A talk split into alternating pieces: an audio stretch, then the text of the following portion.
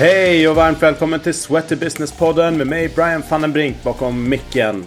Friskis och Svettis Stockholm är Sveriges största ideella idrottsförening med cirka 71 000 medlemmar och drygt 1 000 funktionärer involverade i verksamheten.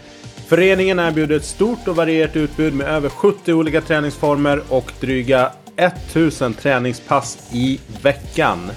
I det här avsnittet så träffar vi deras verksamhetschef Mia Kvernström som med sin bakgrund inom bland annat telekom är rekryterad för att leda Friskis Stockholm in i framtiden. Vi diskuterar bland annat Friskis och Svettis Stockholms utmaningar och möjligheter, balansen mellan ideell verksamhet och kommersiell verklighet, insikter och lärdomar från pandemin, folkhälsan och årets Friskisindex som Friskis Stockholm tar fram årligen. Också en hel del surr om framtidens Friskis. Då kör vi!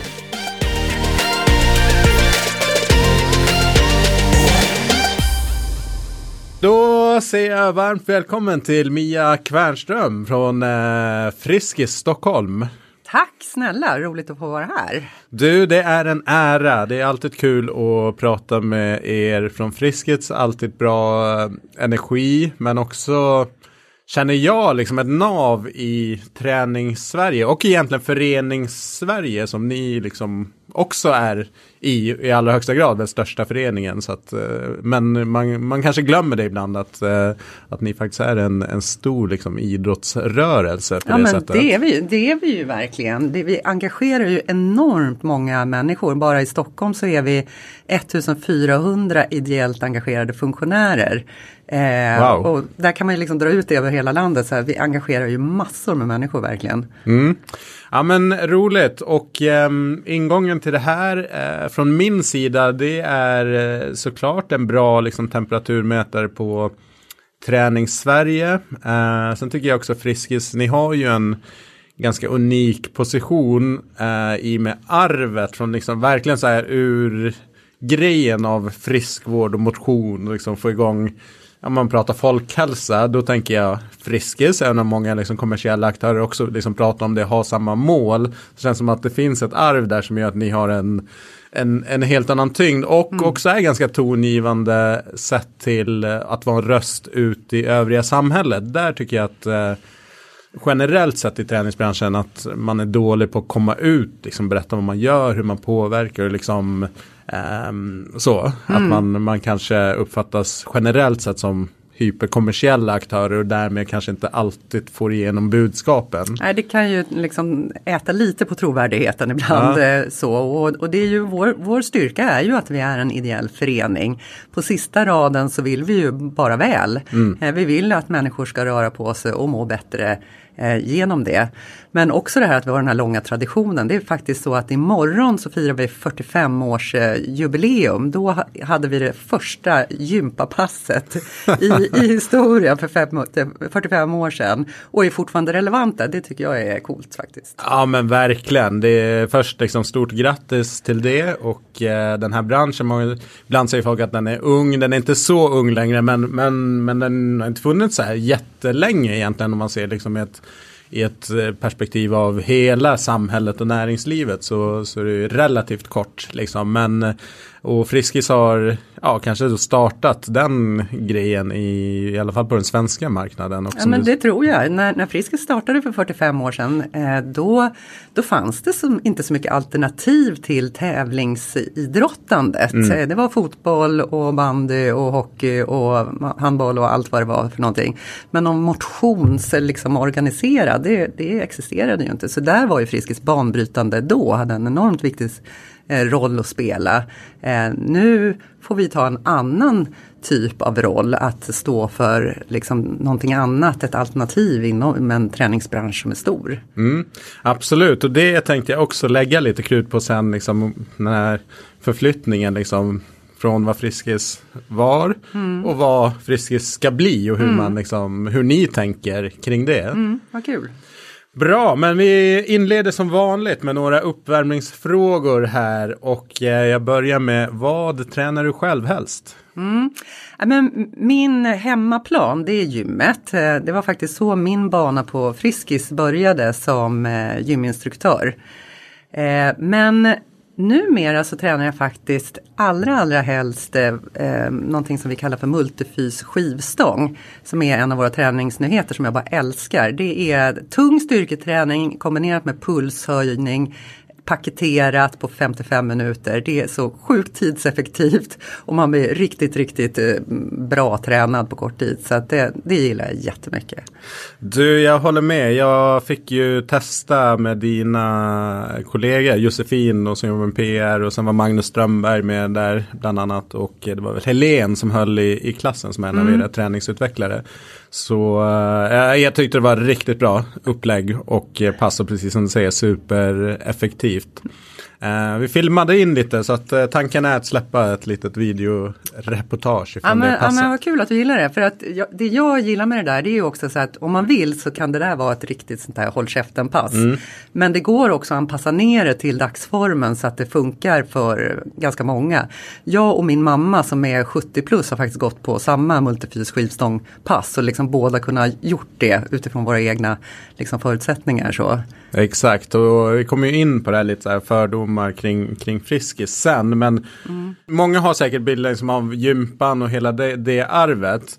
Men det har hänt så otroligt mycket mer. Så att jag måste säga, även fast jag har hyfsad koll på vad ni pysslar med så var jag ändå så här på det passet. Att mm. jag var så här Wow, det här är ju liksom. Det, det var skulle... inte den bilden du hade på Nej, inte riktigt. riktigt. Nej. Inte riktigt faktiskt. Nej. Det är väl en, en av våra stora utmaningar att det finns liksom många förutfattade meningar om Friskis som faktiskt är, liksom kanske är 45 år gamla. Ja.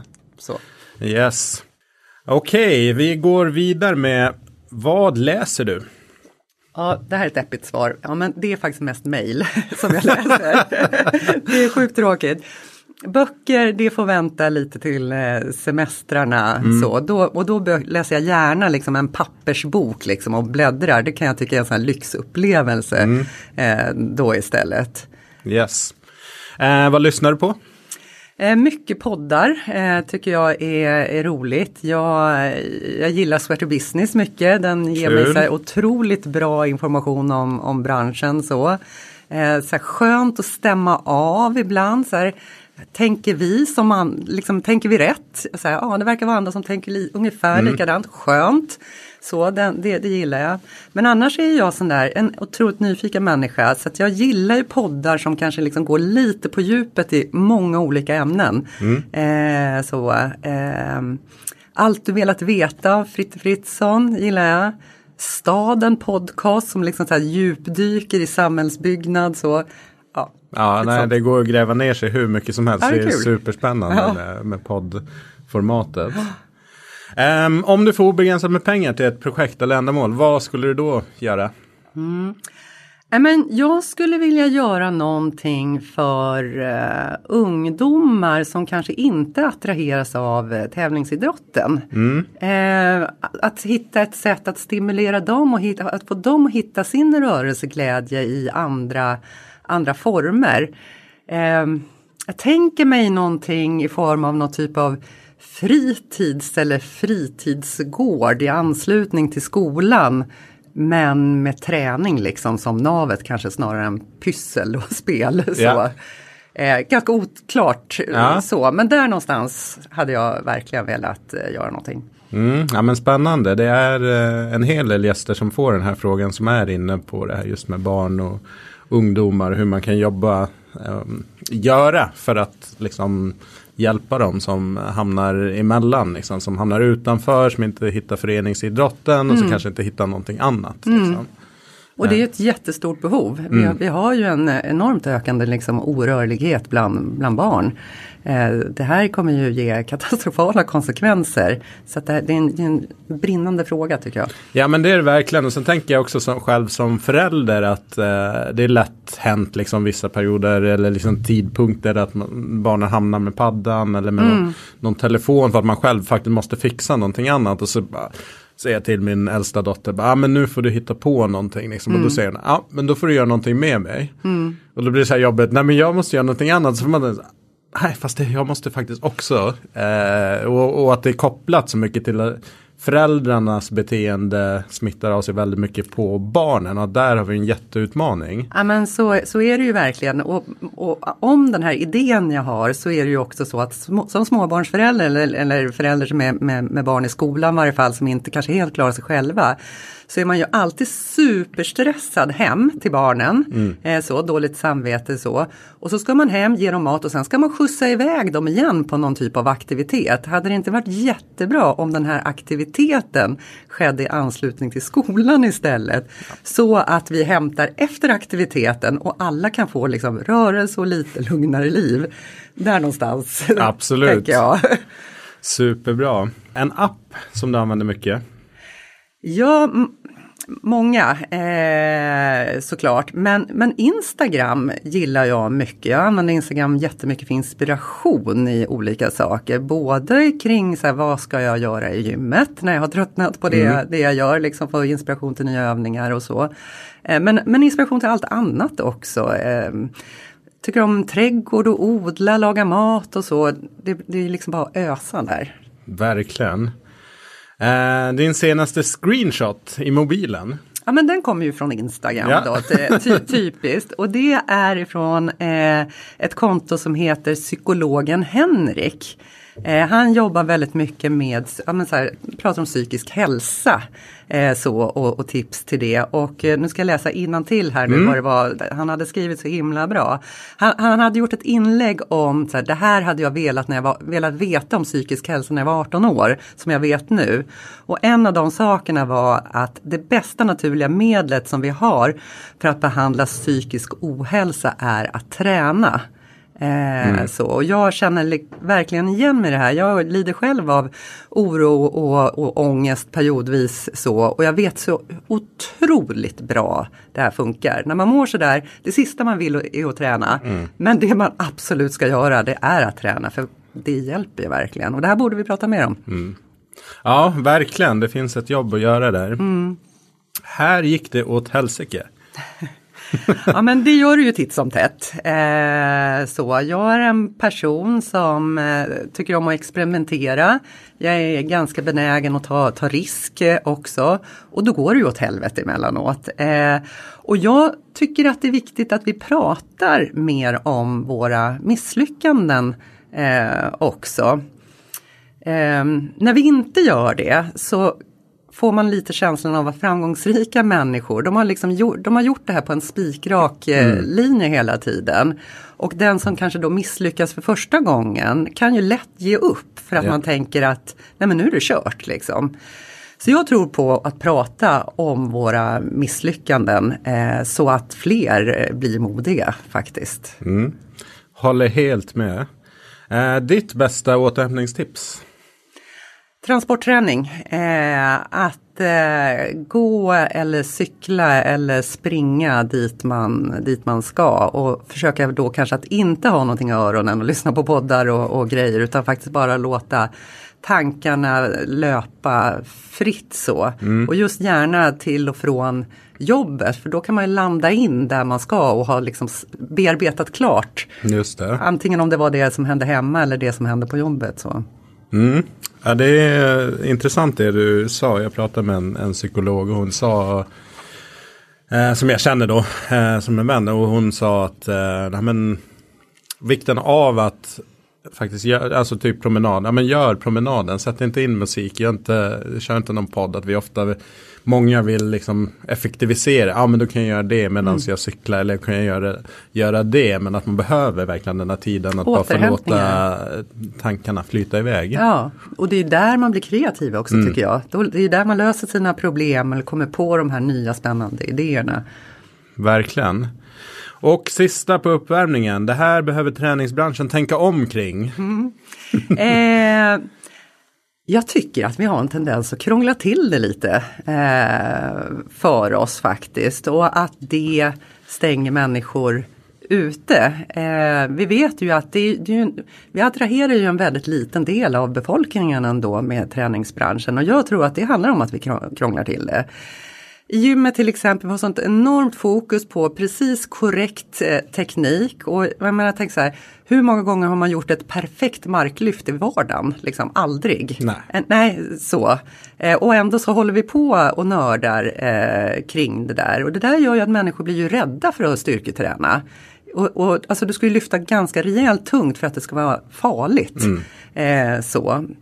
Det är den ena saken. Den andra saken är också att vi pratar så himla mycket om att så här, men du behöver träna minst två, tre gånger i veckan för att det ska ge resultat. Ja, men vad händer då med den som kanske bara har tid eller motivation att träna en gång i veckan? Ja, men då känner man så här, men det är helt meningslöst att jag gör någonting överhuvudtaget. Så jag tror väldigt mycket på att sänka trösklarna, att all rörelse räknas. Eh, och, och liksom bli lite mer inbjudande på det sättet. Det tror jag vi liksom som bransch och som samhälle skulle tjäna väldigt mycket på. Ja, jag håller med. Jag tycker mig se lite mer så här, man tar sociala medier kanske liksom det blir väldigt snävt urval beroende på vad man följer själv och liksom Så den, den bubblan. Men jag tycker ändå jag sett mer och mer så här av ändå att just det här att, att allt behöver inte se perfekt ut. Det viktigaste är att du faktiskt rör på dig på olika sätt och liksom att, eh, jag vet inte, vissa kanske har lugnat ner sig också lite grann i att allt skulle vara så himla perfekt och korrekt och det blir livsfarligt om du, om du inte lyfter på exakt det här sättet. Men precis som du säger, vardagen ser ju inte ut så. Man springer ikapp ett barn som håller på att springa ut i vägen och bara plockar en jättelångt utifrån kroppen och gör en rotation. Liksom. Ja. Egentligen så här, på gymmet hade du kanske inte gjort den rörelsen liksom, men i, i vardagen så kräver ju Skotta den. snö, lufta ett Ja. barn ur en spjälsäng. Liksom. Det, alltså, det ser inte ut så. Nej. Jag tror ju på funktionell träning Mm. eh, mycket, mycket mer. Yes. Ja men bra, jättefint och jag tror det jackar i ganska mycket vad vi kommer diskutera framåt kring, kring Friskis.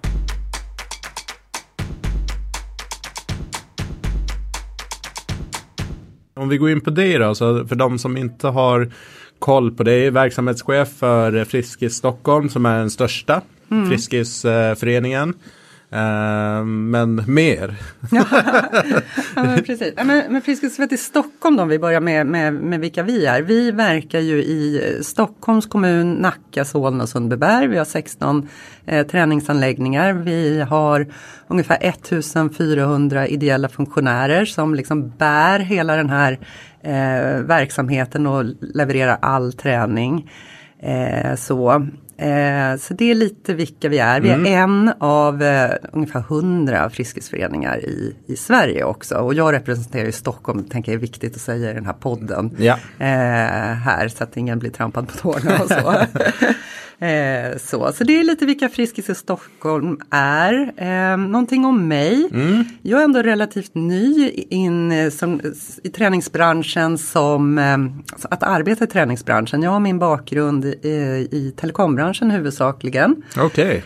Där har jag jobbat mycket med strategi, affärsutveckling och, och kundservice. Eh, så. Och jag började på Friskis för eh, drygt eh, två år sedan. Eh, så jag kom in mitt i brinnande pandemi. Pandemi. Eh, så, vilket ju har varit speciellt.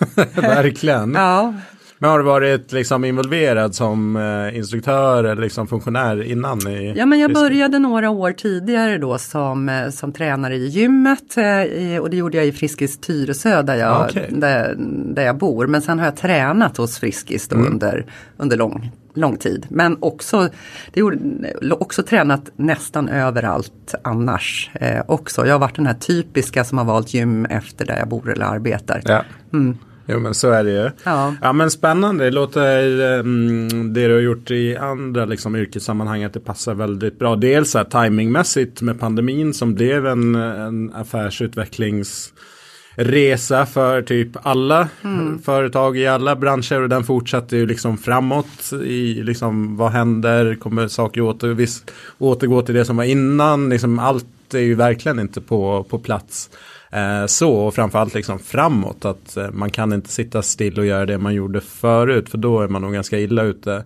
Tänker jag så att det borde passa bra med din, eh, din profil. Nej men fa faktum var att det är liksom lite överraskande bra skills. jag hade ändå med mig. Nej men telekombranschen så, för det första är det också en abonnemangsaffär. Ja. Liksom, så det är, det är lite likt så.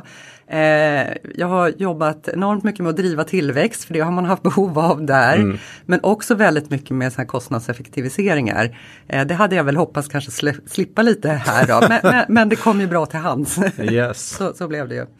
Ja men spännande och vad liksom, varför eh, vill du jobba på Friskis? Men jag älskar Friskis. Jag, jag, jag tycker att de gör det så sjukt bra. Och, jag, eh, och att få verka för folkhälsan var ju faktiskt någonting som drev mig väldigt mycket. Jag har som sagt ägnat väldigt stor del av mitt liv åt att eh, ja, men, liksom driva, tjäna pengar egentligen mm. liksom på, på, ett eller annat sätt. Så det var väldigt roligt att få skifta fokus och bara liksom titta på så här, hur kan vi maximera eh, nyttan eh, istället. Det, det attraherade mig. Och värderingarna som Friskis har, det här eh, lite avslappnad, eh, glimten i ögat, eh, tillgängligt för alla, välkomnande och så. Det ligger väldigt, liksom precis kloss i kloss på mina egna värderingar så att det, det kändes bra. Mm. Härligt. Du, eh, vilka är de vanligaste fördomarna om Friskis som du hör? Mm. Det är faktiskt jättetydligt. Ja. eh, vi, vi, vi, ser det i vår varumärkesmätning så att jag, jag har till och med data på det. All right, spännande. Ja. ja. nej men det första är att man tror att det är gamla människor som tränar mm. eh, på Friskis. Och det stämmer inte alls. Eh, det är faktiskt så att det är fler som är under 30 år som tränar hos oss än det är som är över 60 år. Eh, och det, tror, det, det, det, kan vi se för att vi har frågat vilken bild man har av Friskis och det, nej, det, det är skef, helt skevt. Mm. Ja, och jag kan bara instämma i den också. Nu har jag varit på ett antal av era anläggningar, liksom just att man väl kommer in där så, så där, men nej, det är inte den bilden man har med sig om man inte har varit där inne. Liksom. Nej, men verkligen inte. Så, att, så det är väl den. Och sen den andra är ju att vi håller på med gympa bara. Mm. Eh, fast vi är störst på gym. det är också så här konstigt. Ja. Men 70, nästan 70 procent av alla besök hos oss sker i gymmet. Ja. Eh, och så tänker man så här, nej men Friskis gympa, vi, alltså vi är gympa, vi gör gympa jättebra, det är grym träning och så. Men det mesta som händer, det händer faktiskt i gymmet. Alright, ja.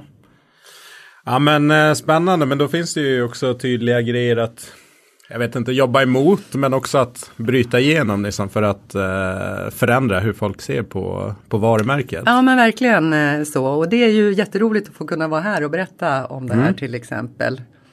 Du, eh, en fråga som jag har det är, um, är det viktigt för er att förtydliga att ni är Friskis Stockholm? Det känns som ni dels här är väldigt aktiva liksom med egen PR, mm. eh, så att kommunicera. För mig sticker Stockholmsföreningen ut ganska mycket i liksom medieutrymme och vad jag får till mig. Sen mm. händer det säkert jättemycket lokalt, men det är, lokaltidningen snappar inte jag upp på samma sätt härifrån. Nej, men jag förstår, jag förstår det. Nej men så här, vi, vi är ju den största Friskisföreningen eh, och det gör ju också att vi har en större organisation än, än, vad andra har och vi verkar ju också på den mest konkurrensutsatta marknaden. Så det är ju viktigt för oss att, eh, att säkra att vi är synliga så. Mm. Men att det är just Friskis Stockholm som syns, det finns ju inget själv, självändamål i överhuvudtaget. Jag tror ju tvärt att eh, Friskis och Svettis skulle må bättre av att i mycket högre utsträckning uppfattas som ett och samma. Eh, så. Och, och dit ska vi väl liksom försöka ta oss. Vi, vi är ju väldigt decentraliserade mm. och det gör ju att det kan bli lite spretigt emellanåt. Eh, men, men som sagt, inget självändamål att vi ska Stockholm på, på något vis ska ha en egen agenda, verkligen inte så. Nej, och eh, på det temat med liksom spretighet, eller spretigheten, men risken för spretigheten i alla fall är just, antar jag liksom att styrkan ligger mycket i liksom det lokala drivet, ägandeskap och liksom passionen. Men sen när man varumärkesdelen, liksom att få ihop det så att det hänger ihop, liksom att de kan vara en utmaning att liksom få ihop det. Jag jobbade på ett annat företag i i branschen som också på den tiden hade väldigt liksom decentraliserat styre på anläggningen och liksom väldigt mycket ansvar låg på platscheferna och då byg- byggdes liksom starka kulturer på anläggningarna och blev superbra. Men hur hängde totalen ihop Eh, och sen skulle allt centraliseras och så tappade man ganska mycket lokalt engagemang. Så det var ju som en liten kamp däremellan lokalt och centralt. Ja, och det där, och det där är ju svårt.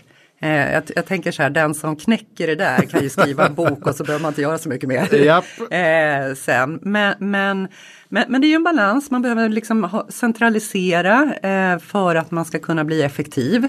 Eh, för att kunna ha kraft att driva saker framåt. Så att kunna bli professionell i, i vissa aspekter av, av, av det man gör. Och samtidigt är det ju så att en helt centraliserad organisation den kan ju bli lite trist. så. Mm.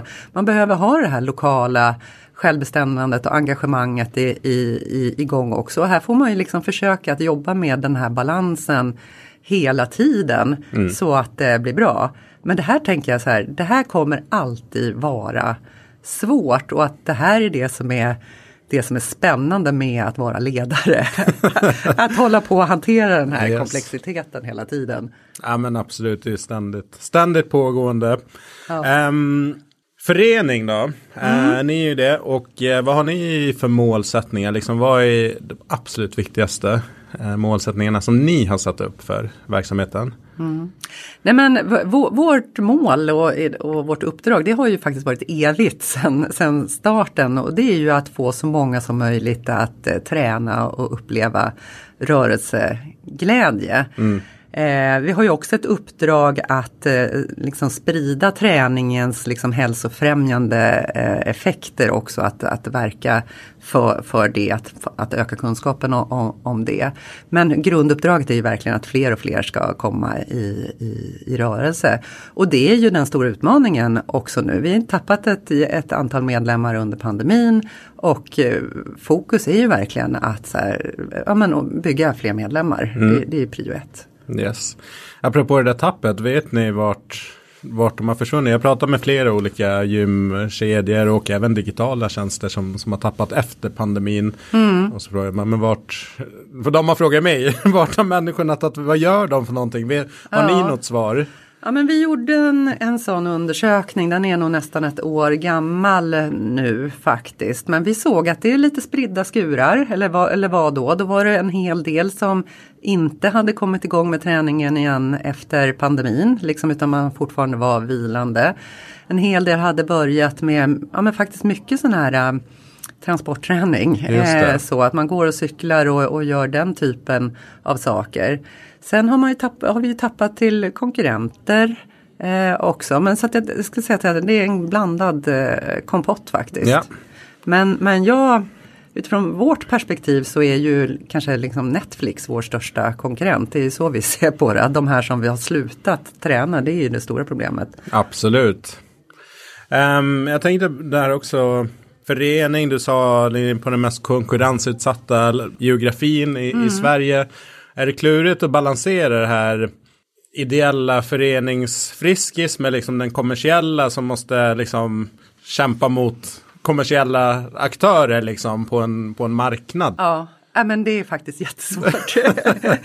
ja, men det, det, det är det, så här, om, om du vill säga så här, det här lokala eller det centrala och behålla liksom engagemanget så om det är liksom det, det svåraste så är det här näst eh, svåraste. Mm. Och särskilt i den situationen som vi vi har varit i nu eh, under pandemin.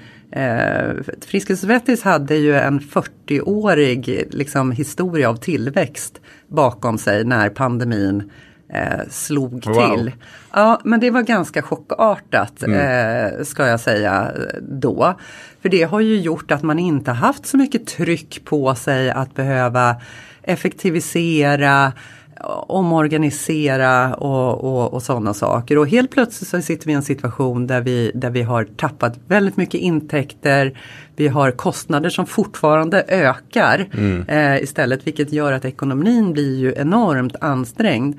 Och det här gör ju att vi behöver fatta liksom tuffa beslut eh, emellanåt för att säkra den liksom, fortlevnaden för föreningen. Och det där kanske liksom inte är helt lätt att förklara för en medlemsägd eh, organisation där man känner så här, men vi har ju ett annat syfte, vi är ju idéburna, vi vill ju någonting annat. Ekonomi är ju inte så viktigt Nej. för oss. Men, men även om vi är idéburna så måste vi ju ändå betala räkningarna. Och här, det här är väl, kan ju vara utmanande.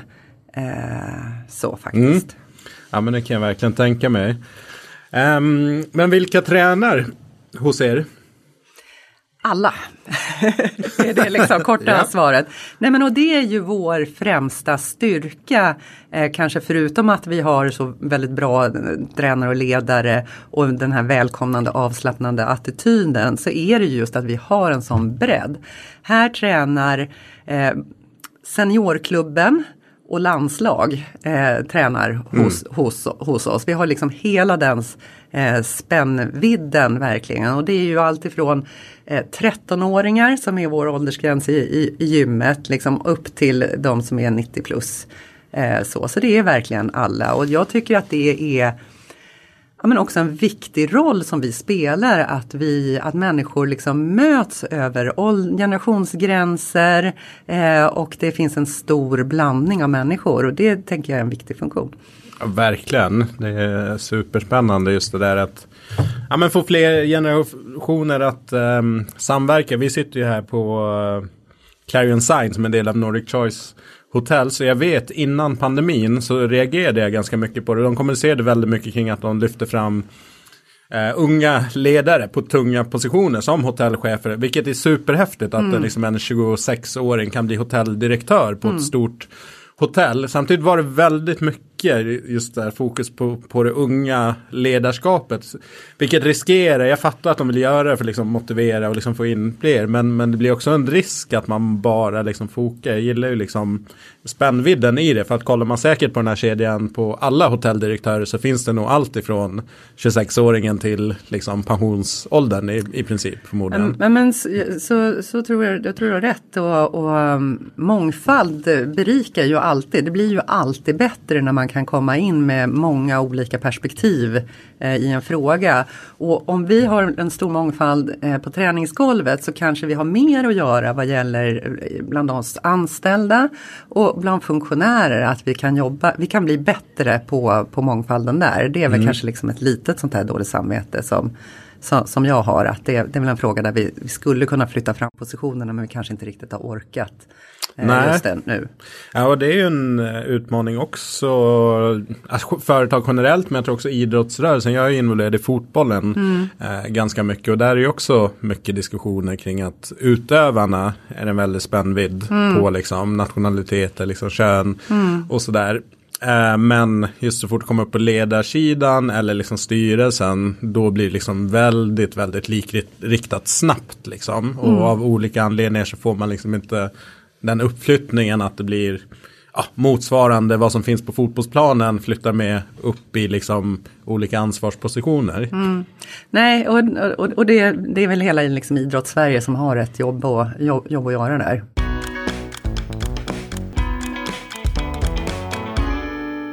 Du var inne på gymmet, 70% tränar där i övrigt. Kan man säga någonting liksom om träningsformer som är poppis hos er? Det kan vi. Gympan är liksom fortfarande väldigt, väldigt stor i, i gruppträningen. Vi, vi, vi drar en, en, en stor publik där. Den lever och uppdateras eh, kontinuerligt. Eh, så.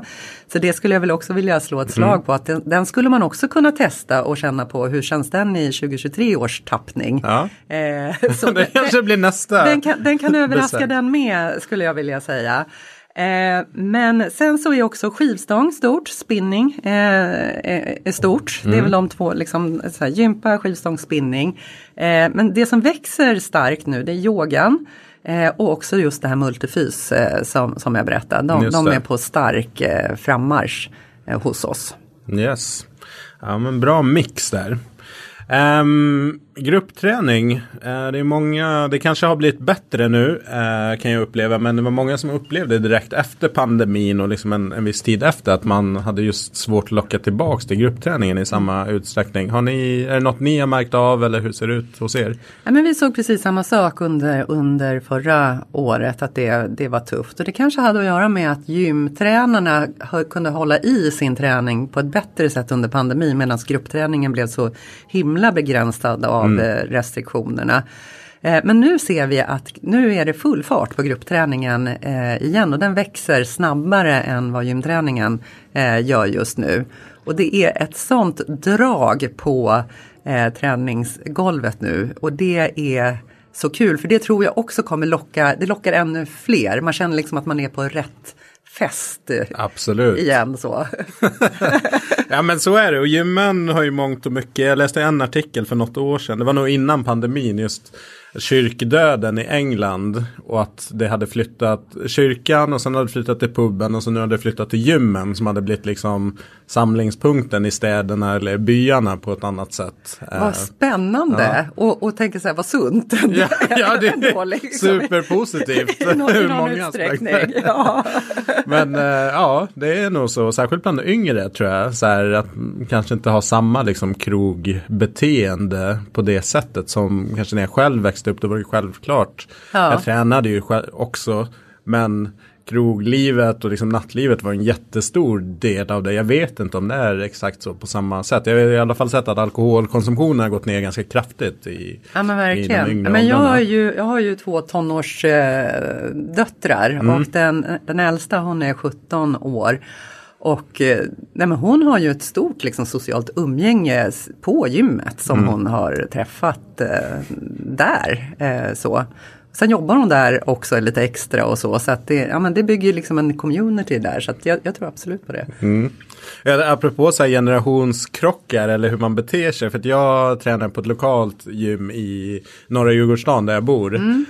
Um, och där är ju allt ifrån liksom, det bor ju studenter där. Bergs School of Communication har flyttat dit så att nu har kommit liksom lite annat folk där också. Men det bor väldigt många som är typ runt 55-60 som kanske har sålt hus och flyttat till liksom en, en lägenhet. Mm. Um, och just eh, jag ploppar ju mina öronproppar eller ör, hörlurar mm. och kör liksom. Men det är flera av de lite äldre liksom som är bortåt 60. Så de har ju definitivt inte sina hörlurar i. Och det är liksom mer än social. Så det blir så här för mig första gången som, som det är så, ja ah, men fasen nu stör det liksom. Jag, kan, jag har ju hörlurar så du kan inte hålla på och prata med mig. Nej, nej. Men sen är jag själv, ja men vänta nu, vem är det som egentligen är snett på det? här. Så att när, det är några av dem som jag brukar prata med, eh, så där inte liksom hela passet, men ändå så här socialt utbyte. Så jag tycker det är ganska trevligt faktiskt att, mm. eh, men då kanske jag kan ta 5-10 minuter utan mina hörlurar liksom. Ja, det, det är ju trevligt. Mm. Eh, så. Det är ju också så här att, att ge är ju också få på något vis. Absolut. Eh, sådär. Men jag tror att det där är Någonting också att prata om, så här, hur, hur är vi i gymmet då? Vi är ju många olika som ska samsas och vi har, vi, vi har olika behov och vi vill göra vår grej på, på olika sätt. Du vill gå in i din bubbla, göra din grej, någon annan vill socialisera. Eh, tonåringarna, de vill gärna träna, eller en del vill träna i grupp. Eh, som mm. kan upplevas som eh, frustrerande av en del, av en, av en del andra. Eh, och här tänker jag att det är så himla viktigt att man eh, liksom reflekterar lite grann att så här, bara mitt sätt är ju inte givet rätt sätt. Eh, det finns ingenting som säger att det är mer rätt att träna ensam än, än, än i grupp. Eh, och vissa tränar ju också kanske liksom mer unga. De tränar tungt, de vilar längre tid mellan sätten eh, och så. Och då kan man tycka så här, gud de ockuperar. Ja, men det är ett sätt att träna på eh, och andra tränar på ett annat sätt. Och här tänker jag att det är så himla viktigt också att vi, att vi pratar med, med varandra, att vi inte går omkring och är griniga. Eh, så, för det är en del som är mm. det. Men liksom man säger, prata med varandra och säga, hej du, eh, ska du köra länge till på den här? Kan, ja, jag har mycket kvar. Så här, ja, men, är det okej okay om jag kan köra emellan dina mm. sätt då? Så här, men prata med varandra för guds skull. ja, nej men ja. verkligen. Sen tänker jag också att det har rätt mycket med gymdesignen att göra. Att de som äger gym, driver gym också behöver utgå mycket mer ifrån hur beteenden faktiskt är och ställa mer frågor, liksom göra undersökningar och bygga anläggningarna så att man motverkar. För jag kan tycka ibland, som sagt jag tränar på Puls och träning i, i Djurgårdsstaden och den, den är byggd efter en modell gym som var för några år sedan. Det har gått ganska snabbt mm. så att det är ganska stor andel maskiner där. Mm. Och visst, många av de äldre tränar där, men de är inte supermånga om jag säger förhållande till de som vill ha frivikt. Och mm. friviktsdelen är alldeles för liten. Mm. Så att nu har det blivit kaos på den mm. eh, ytan på de här liksom prime tiderna. Så att gymmet är egentligen byggt för lite annat beteende och sen fem sex år senare så ser det annorlunda ut. Så då blir det ju de här också små gnissel mm. sådär. Att folk kanske inte kan köra exakt så som de har tänkt och så vidare. Mm. Nej men jag, jag, tror att um, du, du, har en poäng där och um, jag lyssnade på ert senaste avsnitt med spaningarna från Fibo. Från, från Fibo. Att mycket av liksom den här teknologiutvecklingen i gymutrustning nu med mer digitalt och maskiner som är mycket smartare och så. Och jag tänkte så här, ja men det är ju en trend, det är ju en riktning. Mm. Den andra riktningen är ju att man går mot en så här superanaloga träning, så här, fria vikter, eh, skivstänger, eh, podier eh, och, och sådana saker. Så jag, så här, skulle jag satsa en peng så tror jag mer på liksom, den typen av träning mm. än den här hög, kanske hög, eh, högteknologiska och bereda lite mer yta för den träningen. Det gör vi, eh, mm. mer i den riktningen faktiskt. Jag tror definitivt det är den större, större målgruppen. Jag lyssnade på eh, Breakits podd och det är ju teknik, liksom techpodd mm. och då pratade de om uppkopplad träningsutrustning. Då var det en av reportrarna där som är med i podden och hon bara, nej men på gymmet vill inte jag vara uppkopplad med en massa grejer, då vill jag vara offline, då vill jag bara ha skrotet och så köra min grej liksom. Ja men precis. Men en annan grej som vi gör också det är att vi tittar lite på hur vi använder våra träningssalar, alltså gruppträningssalarna. Mm. Vi har ofta två på våra stora anläggningar. Nu gjorde vi ju om vår cityanläggning här förra, förra sommaren. Mm. Och då, hade vi, då tog vi den lilla salen som annars var liksom som den stora fast, fast bara mindre. Eh, och så har vi gjort den till det vi kallar för en multihall nu och då har vi lagt eh, gymgolv eh, i den också. Och där har vi alla sådana så här styrka teknikorienterade grupptränings Eh, och där inne finns vårt eh, koncept för sådana här små, small group, det heter Plaza. Mm. Eh, så, så all den utrustningen finns där inne och då har du stakmaskiner, du har roddmaskiner, du har kettlebellsen, du har boxar. Eh, men så all den utrustningen och när det inte pågår pass där inne då är ju det här en, liksom en utmärkt gymyta som går att använda till skillnad från en liksom lite mer tum, tom mm. eh, vanlig liksom, träningshall. Så. Verkligen, nej men det är supersmart att nyttja det på, på det sättet. Jag, jag förstår alltså Dels hyresmässigt, du betalar väldigt mycket hyra för en yta som står tom väldigt stor del av dagen och vissa låser ju gruppträningssalarna mm. dessutom så att man inte ens kan gå in i det. Så att, att liksom få fler användningsområden områden för det så är det ju bara ett plus. Har, har, du varit där på City? Ja. Vad tyckte du då? Yes. Nej men superbra och just bara golvet gör ju sån skillnad att gå in i ett i en traditionell gruppträningssal med parkettgolv. Det är inte så att man tänker att oh, här ska jag köra tung styrketräning eller liksom grejer man kanske är rädd för halka om man börjar springa eller någonting. Mm. Men att få in liksom det här styrkegolvet som liksom med dämpning och allting. Det är ju kanon. Plus att det var massa utrustning där inne också. Så mm. att man behöver, apropå liksom att designa gymmen också, okej okay, då behöver jag inte gå och tömma halva gymmet, flytta in i gruppträningssalen och så lämnar folk det där och så blir det massa utrustning som står på fel ställen. Nej, utan så. här liksom, de, de, de bor där inne. Mm. Eh, så. Nej men jag, det, jag, tycker att det blev eh, kanonbra. Jag var ju med i projektet när vi liksom pratade om att designa det här men första gången jag fick gå in i den salen när den var klar Alltså jag bara, det såg ut som en fågelholk.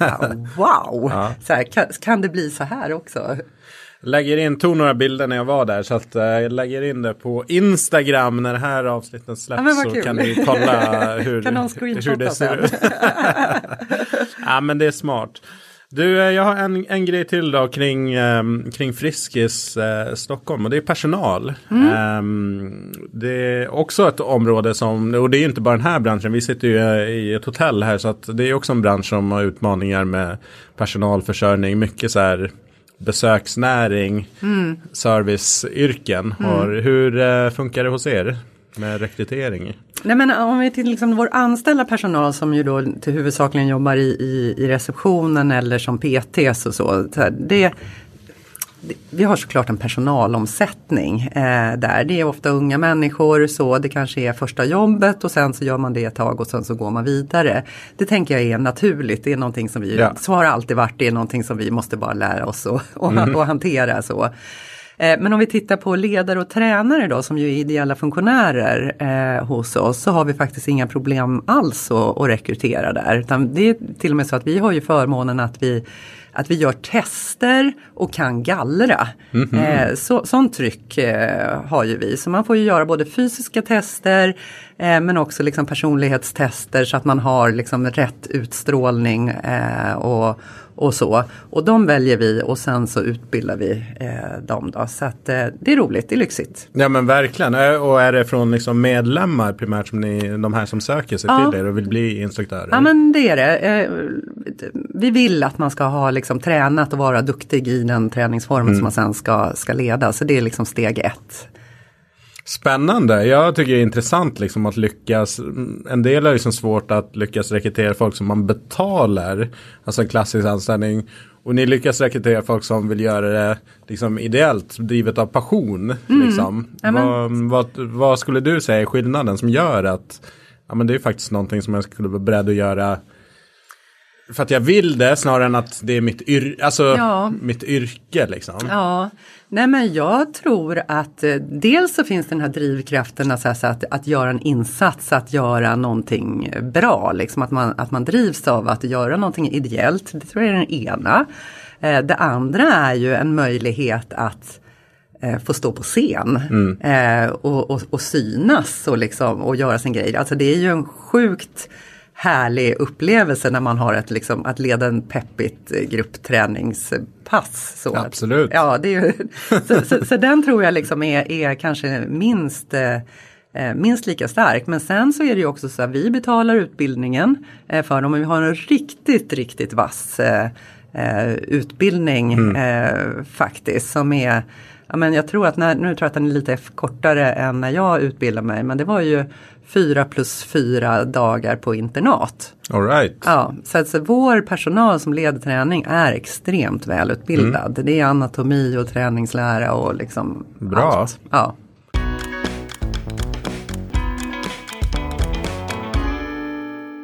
Vi var inne på eh, pandemin förut. Hur hanterade ni den? Vi behöver liksom inte gräva in. Nu har vi den lite så här i, i backspegeln. Men bara så här på ett övergripande plan. Hur, hur landade allt för er? Eller där ni är nu, det är såklart. Ja men, ja, men så, så är det. Så. här. Jag ser det som några olika faser. Den första fasen började ju innan jag började eh, faktiskt så. Och då var det ju liksom akut krisledning eh, i början. Hur förhåller man sig till det här som har hänt nu? Och ganska tidigt så såg ju Friskis att det här är potentiellt liksom en folkhälsofråga, inte bara utifrån smittperspektivet utan också att människor kommer sluta röra på sig. Så Vi måste hitta sätt att kunna hålla människor igång trots att vi har den här, den här smittan. Då. Så ett viktigt beslut var ju att verkligen inte stänga. Och nästa var ju då också att börja bygga alternativa träningsformer så att människor fortfarande liksom kan röra sig även om de inte kan komma in i gymlokalen eller gruppträningen som man brukar. Då. Och vi gjorde ju jättemycket uteträning. Det var ju liksom den ena lösningen. Och den andra lösningen var ju digital träning som vi ju också gjorde en jättesatsning eh, på då. då. Yes, verkligen. Men sen, nu är vi liksom i fasen här efter restriktionerna. Restriktionerna är, är, är borta. Eh, men konsekvenserna kvarstår ju så. så här, vi har en tuff ekonomi fortfarande. Vi har inte alla medlemmar eh, tillbaka. Så nu är ju allt fokus på att liksom verkligen attrahera eh, mer medlemmar eh, i, igen eh, nu och liksom full fart framåt. Så. Mm. Vad skulle du säga liksom är de största förbättringarna då och liksom positiva grejerna som kommit ut ur pandemin för er del? Ja men eh, vi har ju blivit, eh, liksom skaffat oss svart bälte i förändring. Faktiskt. Eh, och det, det, det, har ju inte, det har ju varit lite plågsamt eh, så men vi har ju blivit enormt duktiga på, på att förändra nu. Och, och nu är det lite mer så här, men ingenting är skrivet i sten Nej. längre utan vi försöker vara en agil organisation som, som anpassar oss efter nya förutsättningar eh, hela tiden. Det tänker jag så här, är en eh, stor behållning. Och den andra stora behållningen är att vi har en fantastisk digital träning nu. Vi har ju en egen app som heter eh, Friskis Go baserad på Tweak. Ja. Eh, som är så fullmatad med bra eh, eget eh, content. Så det är ju liksom den bestående, andra bestående saken som vi har med oss. Mm. Ja men superspännande och om jag tappar in lite på det digitala där. Jag tycker att det är superspännande att ni just men ni kör er grej i, alltså det är Friskis man möter. Mm. Um, I vissa fall, andra fall så kan det vara att man, man har en, liksom en tredjepartslösning och så är det content från någon annan. Liksom. Och ja, men det är superhäftigt att ni går hela vägen, liksom att det är Friskis, det är liksom ni som man möter även i, en, i ett digitalt format. Och jag tror att det hade kunnat bli ännu, ännu bättre faktiskt, så att man kunde möta, nu, nu är det ju vår riksorganisation som producerar innehåll huvudsakligen ja. till, till, till vår app. Men om jag kunde möta min eh, gruppträningsledare eh, i appen också, då tror jag att jag skulle känna liksom ännu starkare för att kanske riva av ett pass hemma eller på, på landet eller på hotellrummet mm. eller var jag nu eh, är någonstans. Så jag tror att på, på egenproducerat content är faktiskt jätteviktigt för att det här ska bli bra. Absolut, nej men den igenkänningen är viktigt men eh, om det är 1.0 som ni har slagit in på så känns då kan det, det kommer bli, då kommer ni kanske komma dit att det blir liksom den, den där personliga liksom, ja. instruktören som man känner. Ja. till som är, som är med där. Eh, men fortsatt på digitaliseringen då, är liksom planen att fortsätta investera i den, den delen och liksom bli Um, vissa andra har kanske dragit ner på sin digitala efter pandemin. Att okej okay, nu går vi tillbaks till, mm. till det fysiska och sådär och så avstannar liksom den, mm. den utvecklingen. Nej men jag tror så här att vi, vi, så här, vi den är riktigt, riktigt bra. Mm. Det är verkligen så. Utmaningen är lite grann att den används eh, för lite. Det är bara 15, ungefär 15 procent av medlemmarna som, som, som använder den.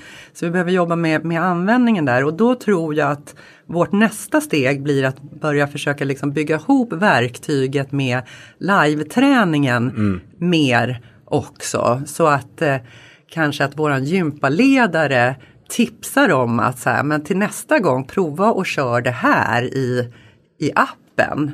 Att våra tränare när de har en gyminstruktion kan lägga upp eh, träningspasset i appen och mm. inte rita gubbar på ett, på ett papper eh, istället. Eh, där tror jag att vi mm. har liksom nästa ut, så, så jag tror att nästa del i vår digitala resa är mer analog. Ja. att få in det i, i live-träningen. Men en sak som vi, som, vi, som vi har börjat göra i det här det är att eh, ett nytt som, koncept som vi lanserade nu på våren som vi kallar för Friskis Bootcamp. Eh, Friskis Bootcamp är träning i, i smågrupp. Jag tror att maxdeltagarantalet är 12. Ja. Eh, man tränar i en fem period två gånger i veckan. Eh, och det är samma gäng. Eh, ja. så, så att man bygger också en, liksom en social, ett, ett litet lag som, som kör ihop. Men här använder vi Physics Go eh, också då för att då kunna dela ut lite hemläxor mellan, mellan passen. Och också att ledaren kan kommunicera med gruppen mellan eh, träningarna där. Så att vi, vi är lite på väg men, men här tror jag den, liksom, den stora satsningen framåt ska vara. Mm. Nej, superbra och jag, vi pratade om det i FIBO-avsnittet nu med spaningarna just att 1.0-versionen kanske är att det analoga och sen lägger man till det digitala. Att de är lite två olika grejer. Att nästa att få ihop de här att liksom, ja men bootcampet, man behöver inte säga att eh, vi, alltså det är bara så här, en, en, vissa delar är i appen, de är digitala och vissa delar är fysiska. Man behöver liksom inte ens egentligen särskilja det digitala och det fysiska. Eh, men eh, ja, så att, Nej, men det är en omni-upplevelse, ja, liksom. det ska exakt. vara sömlöst. Det är sömlöst, eller hur? Um, bra. Du, um, att göra träning tillgängligt. Um, hur, uh, jag vet att det är en liksom, hjärtefråga för er att liksom, få med så många mm. som möjligt som du nämnde också tidigare. Mm. Hur, uh, kan du ge några exempel på liksom, hur det här tar sig uttryck i hur ni, ni gör, tänker, arbetar? Mm. Ja, men vi har ju några så här ganska konkreta koncept som jag kan berätta, berätta om. Så här, utöver att vi försöker ha en välkomnande attityd så att alla ska känna sig ja. eh, välkomna. Så. Eh, vi har seniorklubben eh, som är träning anpassad för de som tycker att allt annat vi gör är, är för tufft eh, ändå. Och utöver att vi har då en anpassad träning där som också där seniorer inspirerar seniorer så rundar vi också av det med, med en fika. Eh, så att det blir, också blir ett socialt eh, ja. sammanhang och det här är enormt eh, uppskattat eh, faktiskt. Så det är en. Sen har vi öppna dörrar eh, som är ett där, det, det, det, finns som variant på all, alla våra vanliga eh, liksom, träningspass. Men det är då anpassat för sittande. Eh, så. Och ibland så är det ledaren bara sittande eh, och ibland så kör vi passet med både en stå, liksom stående och en sittande eh, ledare okay. så att vi kan köra samma pass men vissa eh, sitter i stol och andra liksom står upp och ändå kan vi träna, träna tillsammans. Mm. Det, det här känner jag liksom att jag blir alldeles varm i hjärtat när, när jag tänker på det, det apropå inkludering och att man kan vara, vara tillsammans eh, så, så Verkligen. viktigt. Sen har vi också någonting som vi kallar för eh, enkelgympa. Eh, eller enkelträning eh, och det riktar sig till personer med eh, intellektuell funktionsvariation som kanske har lite mer utmanande att ta till sig liksom komplicerad koreografi och rörelse och så. så att, men också att det ska kunna finnas träning mm. för dem. Så det är några exempel på vad, på vad vi gör. Superhäftigt. Uh, det är lätt att liksom jag vet inte, man, det, det, ja, man blir hemmablind liksom. Man utgår lite så här utifrån sina egna förutsättningar. Bara så här, ja, men man utgår från att alla, jag är inom citattecken nu, alla kan stå upp och liksom röra sig eh, mm. hyfsat obehindrat. Nej, det kan inte alla. Mm. Liksom, och just så här, okay, hur tar man till sig instruktioner? Vilken, vilken liksom, förmåga har man att, att göra det? Liksom, mm. Man tar ju mycket tyvärr för givet. Och det här är ju en förmåga som vi har i egenskap av en ideell organisation. För det här är inte de målgrupperna man tjänar pengar på. Nej. Eh, men det är lika viktigt för de här målgrupperna att eh, kunna få, få till sin rörelse och se, sin träning. Och där har ju vi en, förmåga faktiskt då att kunna, kunna göra det. Mm. Hur mycket kan medlemmar liksom påverka innehållet? Alltså, man, kan de liksom lägga fram förslag? Vi skulle vilja ha det här passet eller den här typen av av grej eller hur funkar i ett sådant sammanhang? Mm. Eh, vår träningsutveckling görs av riksorganisationen så ja. att liksom våra koncept eh, kommer, kommer där och vi försöker naturligtvis vara duktiga på att fånga upp önskemål och, och, och så vidare och så ta det vidare. Men annars är träningskoncepten samma för hela, för hela mm. Sverige. Det är som ett stort smörgåsbord ja. Eh, men, men att vi jobbar med, med, med samma eh, utbud där. Utanför eh, de fyra väggarna på, på gymmet, hur jobbar ni med att nå, liksom uppmuntra, inspirera folk till att röra sig i vardagen eller om man inte har möjlighet att vara medlem och träna hos er? Mm jag tror att det är ett koncept som väldigt många känner igen men som väldigt få vet att det är Friskisvettis som står bakom. Det är röris och eh, miniröris som man gör i förskolan och mm. på skolan. Och det är ju eh, rörelsepauser, eh, roligt lekfullt eh, till, till musik. Eh, och här utbildar vi då pedagoger eller andra vuxna, föräldrar eh, till att då kunna leda det här och så finns det sådana här konceptpass som man då kan, eh, kan, kan använda sig av. Och det är faktiskt så att Friskis har utbildat 25 000 pedagoger i röris wow. och miniröris. Det är faktiskt mm. eh, ganska häftigt. Ja men det är verkligen. Min yngsta dotter, hon är tre, de kör det ibland på förskolan. Ja. Eh, men, det är, ja, men det är superbra. Det är verkligen spännande och som man kanske inte ens tänker på att, att det är ni som Nej, jag som tror inte bakom. att man vet det. um, Alright, du ni har släppt eh, Friskis Index, um, kan du berätta lite kort vad, vad är det och varför gör ni den undersökningen? Nej, men vi går ut och frågar hur, eh, först stockholmarna men faktiskt nu den här året också så här, hur hela Sverige mår. Och vi ställer frågor inom tre områden. Det handlar om rörelse, glädje och gemenskap och det här lägger vi ihop till ett, till ett index. Och anledningen till att vi gör det här det är ju att vi vill ta ansvar eller bidra till stockholmarnas eh, välmående. Och då tror vi att man behöver ha en holistisk syn på, på välmående. Men också att man behöver ha fakta på bordet för att veta vad, vad det är för typ av insatser Mm. som behöver göras. Verkligen, och eh, vad skulle du säga, hur mår stockholmarna eller svenskarna Men vi, nej, men vi mår helt okej. Vi- Vad skönt! Ja men det är ändå skönt. Så här. Vi, vi, vi mår helt eh, okej. Men vi underpresterar på rörelse. Eh, det är ungefär bara hälften av de som har svarat på vår undersökning som kommer upp i rekommendationerna av träning som är två och en halv timme eh, i veckan. Så det, det, hälften når inte det målet. Och det är ju Alltså, det är ju viktigt att vi förstår det. Absolut. Ehm, vet man varför de inte kommer dit eller inte, liksom, inte grävt vidare i orsakerna nej, bakom nej, det just nej, här? den här undersökningen gräver inte liksom i Nej. bakomliggande orsaker. Nej men det är ju generellt, jag såg eh, Generation Pepp släppte ju också sin Pepp-rapport och då är det ju barn och ungdomar och det var väl två av tio som kom upp i rekommenderad liksom, aktivitetsdos. att det finns ju verkligen mycket att göra på det områden, området. Och ehm, mm, vad tänker du liksom, eh, har du någon spontan tanke kring att få fler i rörelse? Vad man skulle kunna göra? Ja, men dels så tror jag att det handlar om det här som vi började med, vad, vad branschen behöver tänka om till, att vi liksom sänka trösklarna, att inte hålla på och krångla till det så, så, så himla mycket. Det tror jag är en aspekt av det. Sen att prata om att Men vad är träningen till för? Eh, träning blir ju så himla ofta kopplat till prestationer eller fitness som handlar om ofta om hur man ser ut och det är ju liksom inte poängen. Eh, träning ska ju handla om att, eh, att, att ha en, en kropp och, och, och, och en hjärna som orkar bära en i livet oavsett vad det är jag vill åstadkomma i livet. Det är ju någon vill bestiga ett berg, någon annan vill orka bära sina barn, liksom både rent fysiskt och rent, rent mentalt. Och, och det är ju det här som träningen, alltså, vi måste börja prata om att det är det som träningen syftar till.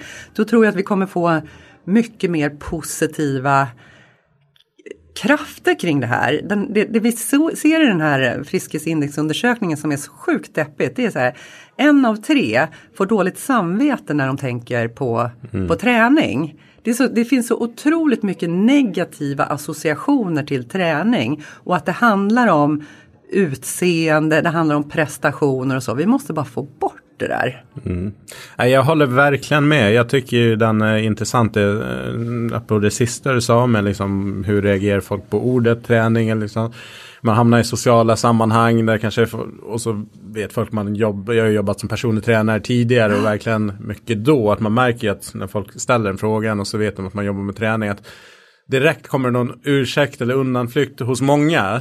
Och vissa vill ju be, liksom få bekräftelse att de sköter sig bra liksom och, och prata om det. Men ganska många som säger jo men egentligen så äter jag inte så här eller egentligen så och man märker direkt så här bara jag har inte lagt in någon värdering i i vad du gör eller någonting men personen gör det själv direkt bara den hör att man är jobbar med träning eller liksom invol- involverad på något sätt och det säger ju rätt mycket tänker Ja. jag. Jag har personligen börjat tänka på min träning inte som prestation eller att det finns mål eller någonting sånt som jag ska uppnå. Jag tänker på min träning som återhämtning.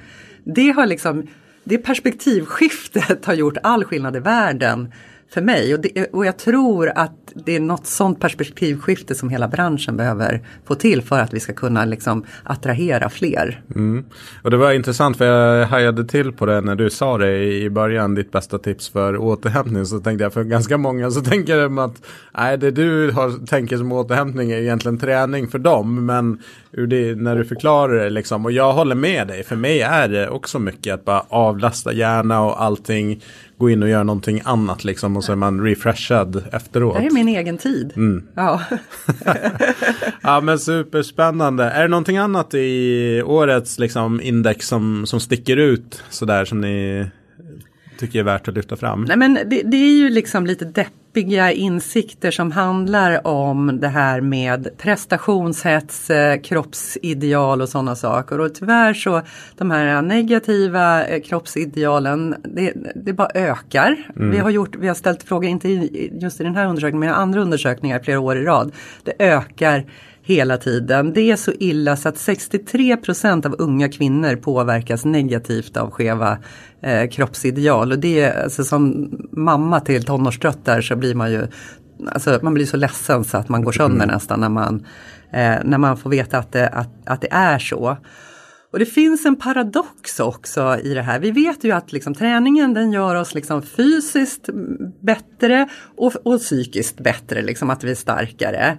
Men de här liksom kroppsidealen, prestationshetsen så, det liksom drar ner det åt andra hållet också. Och vi ser att de som mår psykiskt dåligt eh, det är också de som lider mer av de här kroppsidealen i samhället. Och det är också de som känner att de behöver träna så himla mycket för att få, för att få resultat. Mm. Så att ja, men det finns något ganska svårt eh, här som vi som bransch jag tycker liksom att vi behöver ta tag i. Och jag ska faktiskt, vi, som jag sa, att vi firar 45 års jubileum här ja. imorgon. Och vi har en liten träff med våra funktionärer. Och vi ska faktiskt prata just om det här. Så här, mm. Vad är vårt nästa steg för att kunna få fler att vilja träna utan att man får den här pressen på sig samtidigt? Ja, det är en eh, baksida utav eh, det hela. Jag tycker sociala medier har nog bidragit väldigt mycket till den. Rätt mycket så här träningsinfluencers. Inte tränare som har mycket kunskap men sådana som influencers som mm. liksom tjänar på liksom har sin profil inom träning och hälsa då inom citattecken faktiskt. För att mm. rätt mycket som kommuniceras är, har inte så mycket med hälsa att göra. Men det är väldigt kopplat till utseende, bygg, rumpan på bästa sätt på det här sättet. Få V-formen på ja. midjan. Liksom. Det, det är väldigt mycket och tyvärr får de mycket belöning för att göra den typen av kommunikation för att folk reagerar på det och liksom tycker det är intressant men det spär ju på hela ja. den här ja, jag vill också få till den där midjan liksom på samma ja. sätt. Och liksom, vi, ska inte, vi ska inte gå in här nu för då kan jag prata en, en, en timme till om liksom, hur skevt det är och att det fanns, finns ju en hel skönhetsindustri som liksom lever på vårt eh, självförakt. Liksom, ja. så. Men, men vi, yes. vi, släpper det är en annan. vi släpper den nu. eh, kan tipsa om eh, podden Wellness Hysteri, eh, P3 Dystopia. Där pratar de rätt intressant kring just hur företag lever på eh, vår, våra skräcker. Liksom, att man bygger upp saker och sen säljer man produkter för att lösa. Vad intressant, den har jag missat. Ja. Eh, så. Mm. Det var bland annat ett piller där med Kim Kardashian som skulle göra underlivshygienen prima men som forskarna. Jag får och... nästan ta den en gång till för jag är inte säker på att den gick igenom min så här djupa suck. det var ju såklart bluff. Eh, men ja, har man många följare så kan man sälja tillräckligt många innan industrin säger bara ja. nej men det här funkar nej, inte. men vad trött man blir liksom. Yes, du um, vi börjar närma oss slutet här. Jag tänkte framtidens Friskis. Mm. Var um, kanske en svår, eller det är en svår fråga givet att allt sker så snabbt. Men vad ser, vart är ni på väg där? Kan man se någonting mm. så här? Nej men eh, för det första så är det ju faktiskt så här att när man precis haft liksom näsan ovanför vattenytan här i ett par år så det, har det varit lite tufft att höja blicken och, och, och, och blicka framåt. Men, men, jag skulle säga så här att det viktigaste för oss det är ju egentligen så här att få fler människor i träning igen. Mm. Eh, så. Och då tror vi att vi behöver kanske tänka om lite grann kring vart vi finns. Eh, människor jobbar ju mycket mer från hemmet eh, nu så att det kommer vara viktigare att finnas nära där människor bor kanske än där de, har, där de arbetar, liksom där kontoren mm. eh, finns nu. Så vi får tänka om lite grann kring vår etableringsstrategi. Vi tror att vi kanske behöver finnas med fler träningsanläggningar med lite mindre eh, koncept eh, istället. Och jag gjorde en, en, liten kartläggning och så kan vi också konstatera att det finns ganska mycket vita fläckar fortfarande där vi inte finns överhuvudtaget. Så att liksom få, få, få fart på nyetableringarna igen tror jag kommer vara eh, viktigt. Men här sitter ju vi i ett lite annat läge än de kommersiella aktörerna. Eh, Sats tog in 600 miljoner i risknytt fräscht eh, kapi ja. kapital för att finansiera sin fortsatta expansion. Den möjligheten sitter ju vi inte eh, på utan vi får ju jobba organiskt eh, eh, hel, hela tiden. Mm. Då. Så att, eh, men, men, det tror jag kommer bli viktigt eh, framåt att eh, etablera sig på, på, ny, på nya platser mm. också. Ja men det tror jag verkligen också just det här skiftet. Delvis då att folk jobbar mer hemifrån, hybrid, mm. liksom stora innerstadsanläggningar. Mm, en utmaning. Jag såg Fitness First, eh, stor gymkedja i London med många liksom, cityanläggningar nära. De håller ju på att strukturera om nu och har stora problem just för att folk åker inte in till kontoret lika mycket och London inte är gratis. Och har stora lokaler i. Det är inte Stockholm innerstad heller kan jag berätta. Nej. Så är det. Men en annan sak som jag också tror blir viktigt nu för framtiden. Vi här, det här kanske låter lite, inte så ödmjukt, så här, men vi är bäst på gruppträning, det vill jag ändå mm. hävda eh, att, att vi är. Eh, och att också se till att gruppträningen, att vi fortsätter vara riktigt bra på det, men också att anpassa sig efter trenden som går mot mer styrketräning. Eh, men att liksom inte släppa det bara till gymmet utan att se till att vi ska vara skitbra på styrketräning i grupp ja. också. För att gruppträningen är ju också ett jättebra sätt att komma igång på. Eh, det är alltid tufft eh, med motivationen, att man, man ska börja skapa en ny eh, vana. Men med gruppträning, så det enda du behöver motivera dig till det är att komma dit. Sen löser mm, ledaren och gruppen resten liksom. Du behöver bara komma dit. Och därför tror jag att det är viktigt också att hålla i gruppträningen framåt även om trenden just nu är liksom väldigt stark för, för gym. Mm.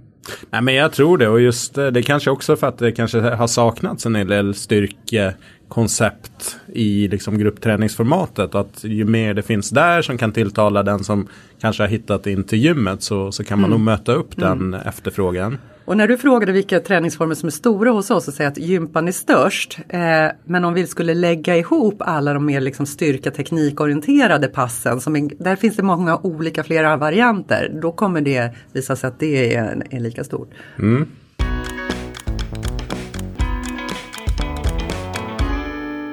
Avslutningsvis så gästens trendspaning. Här lämnar jag det helt öppet. Tidigare har jag styrt frågorna. Men här är så här. Har du någon spaning kring eh, ja, träning, hälsa eh, som du vill ta med dig här och lyfta? Ja, nej men jag har lite spaningar kring folkhälsa.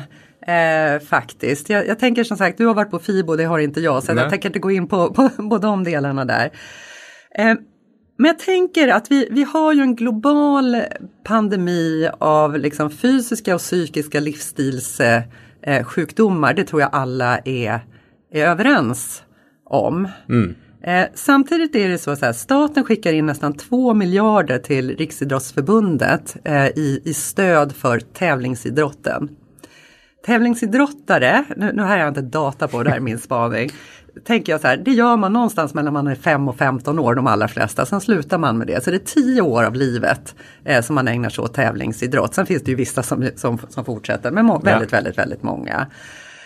Eh, jag tänker att det kanske är en, en, en, liksom en, en fördelning som vi behöver fundera på. Är det liksom rimligt att en så stor del eh, går, går dit? Mm. En annan sån sak som jag också tänker på det är att eh, regeringen har gjort en stor satsning nu på att öka förskrivningen av fysisk aktivitet eh, på recept. Man kommer pumpa in ganska mycket pengar i det.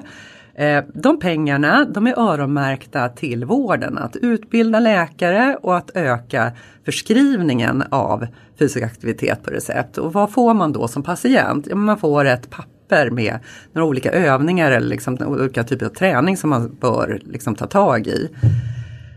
Jämfört med om du får ett recept på läkemedel. Då får du, då får du gå till apoteket och då får du köpa subventionerade ja. läkemedel.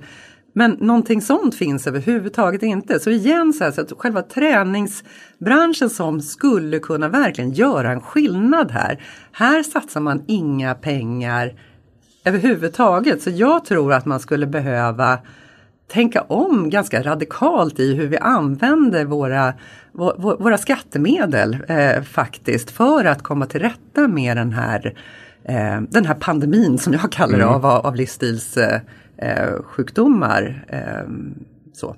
Yes.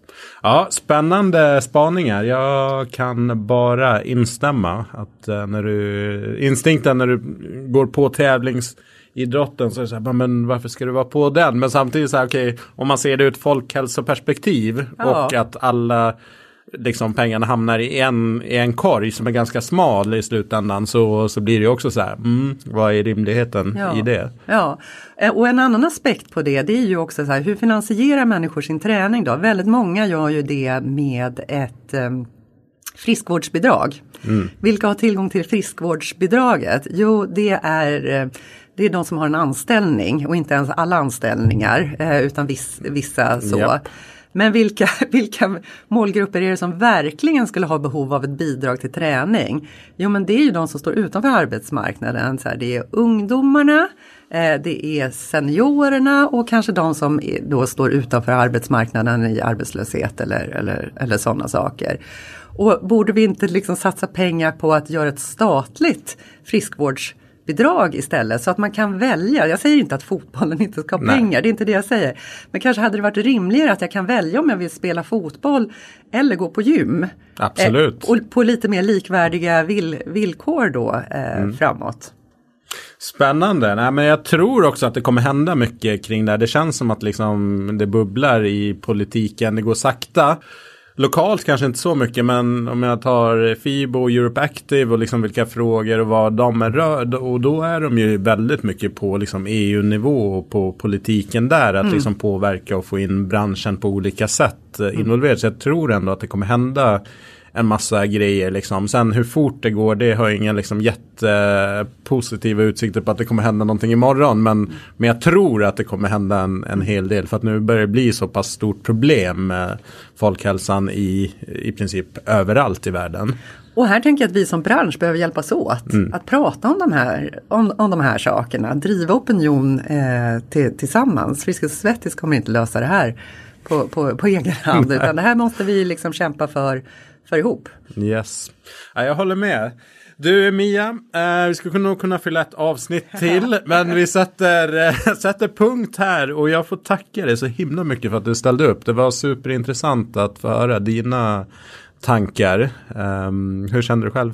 Nej men jätteroligt att vara här. här. Nu har jag gjort min poddebut. Jag var lite nervös innan men det här kändes ju som att sitta vid vilket fikabord som helst ja. och ha ett ganska schysst snack med en väldigt kompetent eh, kollega. Så. det blir ju så till slut när man sätter sig här så, så glömmer man av mickarna lite grann. Uh, som sagt, jag tycker det var superintressant och jag tror säkert att lyssnarna kommer uppskatta det jättemycket. Eh, jag kommer länka in till eh, era sociala medier och hemsidan för de som vill kika in mer på vad som händer på Friskis och vad ni kan erbjuda. Och avslutningen är ju alltid, eh, vilken låt ska vi avsluta med? Ja, jag har valt eh, en låt som heter Bästis med Anna Diaz eh, som jag gillar jättemycket. Jag gillar den för gunget som jag tycker är jätteskönt men jag gillar den också för texten.